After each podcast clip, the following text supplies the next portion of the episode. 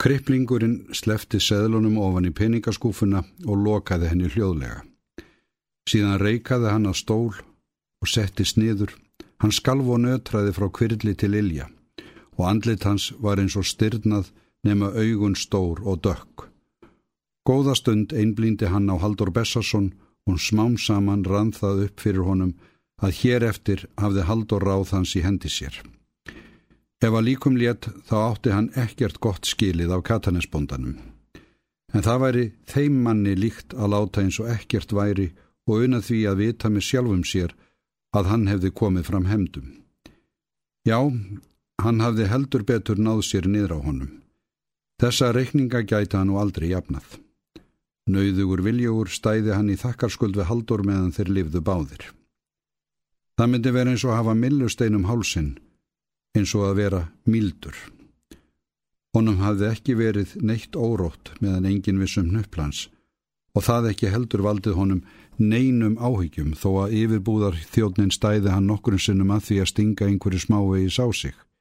En að Halldór skildi af að staða hann að verki, haftar áþans í hendi sér og látið hann sleppa. Það var næri því verra en að komast undir manna hendur. Hérðan í frá gæti hann aldrei litið upp á nokkurt mann. Kriplingnum hafði alltaf verið í nöp við Haldur Bessarsson. Upp frá þessu lagði hann hatur á mannin.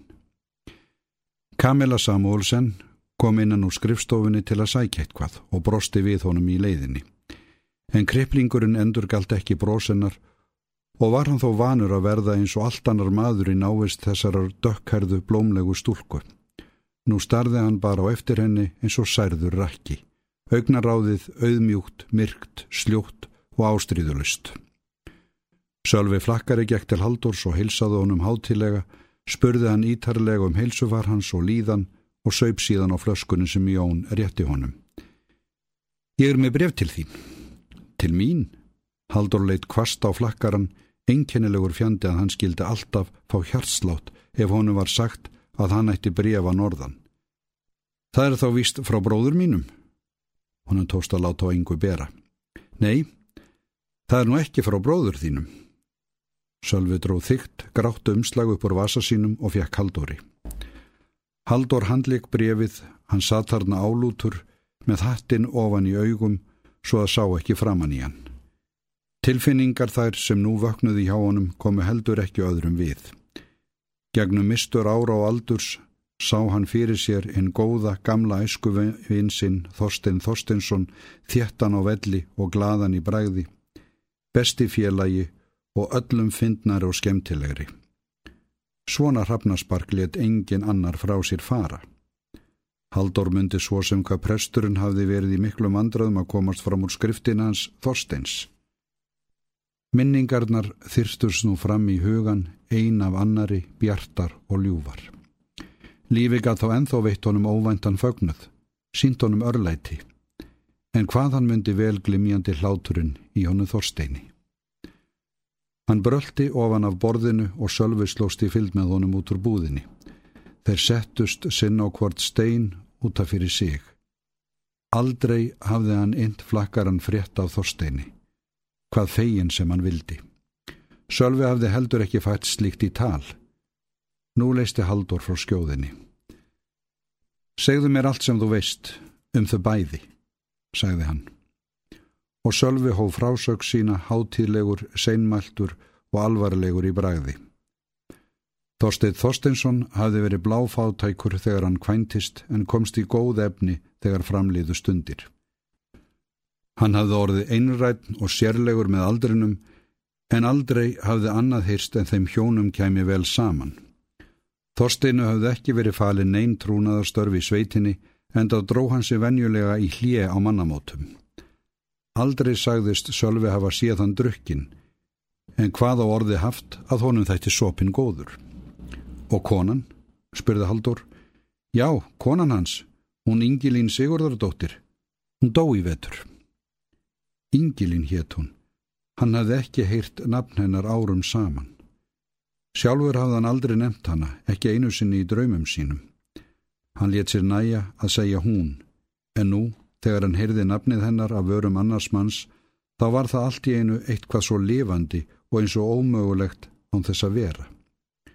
Snöggvast fylti hljómur þess loftið umhverfisann eins og forðum í æsku. Ingilín, Ingilín.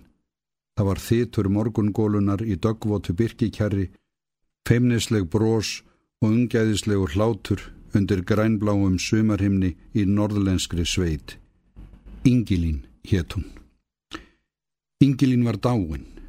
Það átti engin Ingilín lengur. Ingilín var orðin draumur og hafði hún okkur tíma verið annað.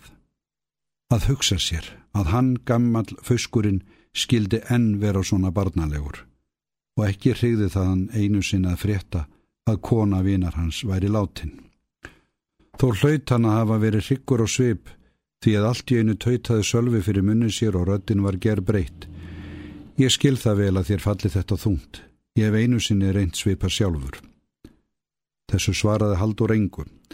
Allt í einu datt honum nokkuð í hug. Nú gata nefnt nafnið hennar, raula það fyrir munni sér þegar honum síndist án þess að hafa það á tilfinningunni að hann væri að nöppla frá öðrum.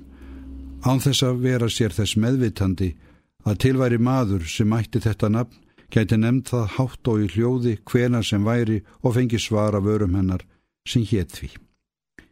Ingilín hétt hún og nú fór að vakna hjá honum hrigð yfir því að hún skildi vera dáin.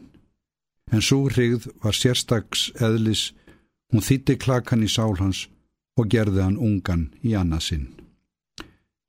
Menn voru nú orðnir háværir og ölóðir. Nokkur hafðu lendi hár saman, aðrir voru í faðmlögum og drukku hver öðrum til upp á ævilanga vináttu. Haldur horði á það sem framfór, brá hendinu upp í vangaskeggið og brosti í kampin. Allt í einu datt honum í huga að sennilega væru fæstir af þessum mönnum ánaðri með lífið og tilveruna en hann sjálfur. Kanski væru þeirra brjóta heilanum ráðgátur tilverunar, rétt eins og hann. Hann hafði döluð hugsin með glensu og gamni, þeir með þeigjandaskap og drömsætti, en þegar víni leisti þá úr álögum hverstagsleikans, urðu þeir opinskáir og einlægir, þá hlóðu þeir og gréta og gleði eins og börn. Gort þeirra og mikillæti leiti ljós, hvað þeir hefðu viljað verða og láta til sín taka. Þegar áhrif vinsins komu til sögunar, reyndust þeir eiga margt sameinlegt þótt ólíkir væru. Allir börmuðu þeir sér yfir lífin og tilverunni og öllum fannst þeim sér ganga margt í mót. En flestir áttu þeir sér líka einhverja huggun sem hjælt þeim uppi, gladdi þá og styrti í strítinu og stríðinu. Haldur þóttist sjá fram á að kannski hefði hann harmað hlutskipti sitt um of Margir áttu sjálfsagt við lakari kjör að búa. Til að mynda kriplingurinn. Haldur bligðaði sín fyrir framkomi sína í búðinni. Það var engin meiri maður fyrir það að hefna sín á þeim sem voru minni máttar. Þegar þeir voru læður á stað heimað Katanesi spurði Haldur Sölva hvað hann væri með í skinnpingunni sem hann bæri á brjóstinu. Flakkarinn svaraði ekki strax en sagði svo eftir stundarþögn Ég þóri svo sem að trúa þér fyrir því Haldur. Hann dró fram pingjuna og opnaði lásin.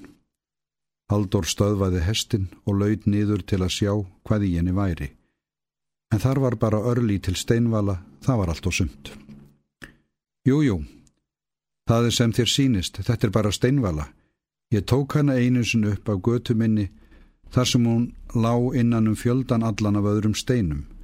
En hún hefur komið mér í góðar þarfir af því að enginn hefur vita hvað þetta var. Ég þekkti einu sinni konu fyrir norðan, hún kvaldist að liða gikt í aukslinni, enginn gröðstugðu, sama hvað ég sögð og matlaði. Svo greipi loks til þess úræðis að taka pingjuna og nutta henni um aukslina. Koninni batnaði sama dag og hefur ekki fundið til neins meins í aukslinni síðan. Auðvitað bað ég hann að þeia vandlega yfir þessu því að þetta gerði ég ekki fyrir nokkurni lifandi mann. Mér leik vitaskuld hugur á að fréttinum þetta bærist sem víðast. Þeir settust inn í skemmi og katanesi og fengu sér í staupinu. Mart bara á góma. Loks sagði svo haldur. Þú ert vitur maður, Sölvi. Mér er það óskiljanlegt að fólk skulu draga dára þér. Hann sagði þetta hálgert í gamni. Ó, blessaður vertu, svaraði flakkarinn alvarlegur í bræði, Í hópi heimskingjana verður spekingurinn ávalt hlægilegur. Ég hef ekki átt marga vinum dagana, held hann áfram eftir stutta þögn. En það skal ég segja þér, Haldur, að þinn vinur vildi ég gjarnan vera. Viskan og aflið hafa löngum átt vel saman með kynþætt okkar. Það sína dæmin allt frá óðni og þór til njáls og gunnars. En Haldur satt þarna þegjandi og brosti með sjálfum sér. Svo var tíðin að hann þráði að eignast vinn. Nú mátti honum vist á sama standa. Aug þess var eitt hvað í farisölva sem honum gæðjaðist ekki að, hvað sem ytra útlitinu leið og að hann var flakkari, því slíkt let hann sér í létturúmi liggja. En var montið og hátileikinu sölva bara uppgerð. Kanski hafði verið svo fyrst í stað en nú virtist þetta kvortveikja samgróið eðli mannsins. Viska þín er vist ærin, en afl mitt er þrótið, svaraði hann tómlátlega. Kondi inn með mér, Sölvi, við skulum fá okkur eitthvað í svangin, bætti hann við. Brefið frá æskuvinni sínum las hann ekki fyrir en seint um kvöldið. Þetta voru tvær þéttskrifaða síður um daginn og veginn og Haldóri fannst fátt til um það allt, en að lokum kom svóljóðandi eftirmáli. Ég hef haldi hvori verið að hugsa um að skreppa söður og land í sömar ef Guð gefur mér líf og heilsu. Sé svo að þú minnir enn eftir mér og berir ekki kala til þín skamla félaga, þá hripaði mér línu svo að ég viti hvort ég er velkomin til þín.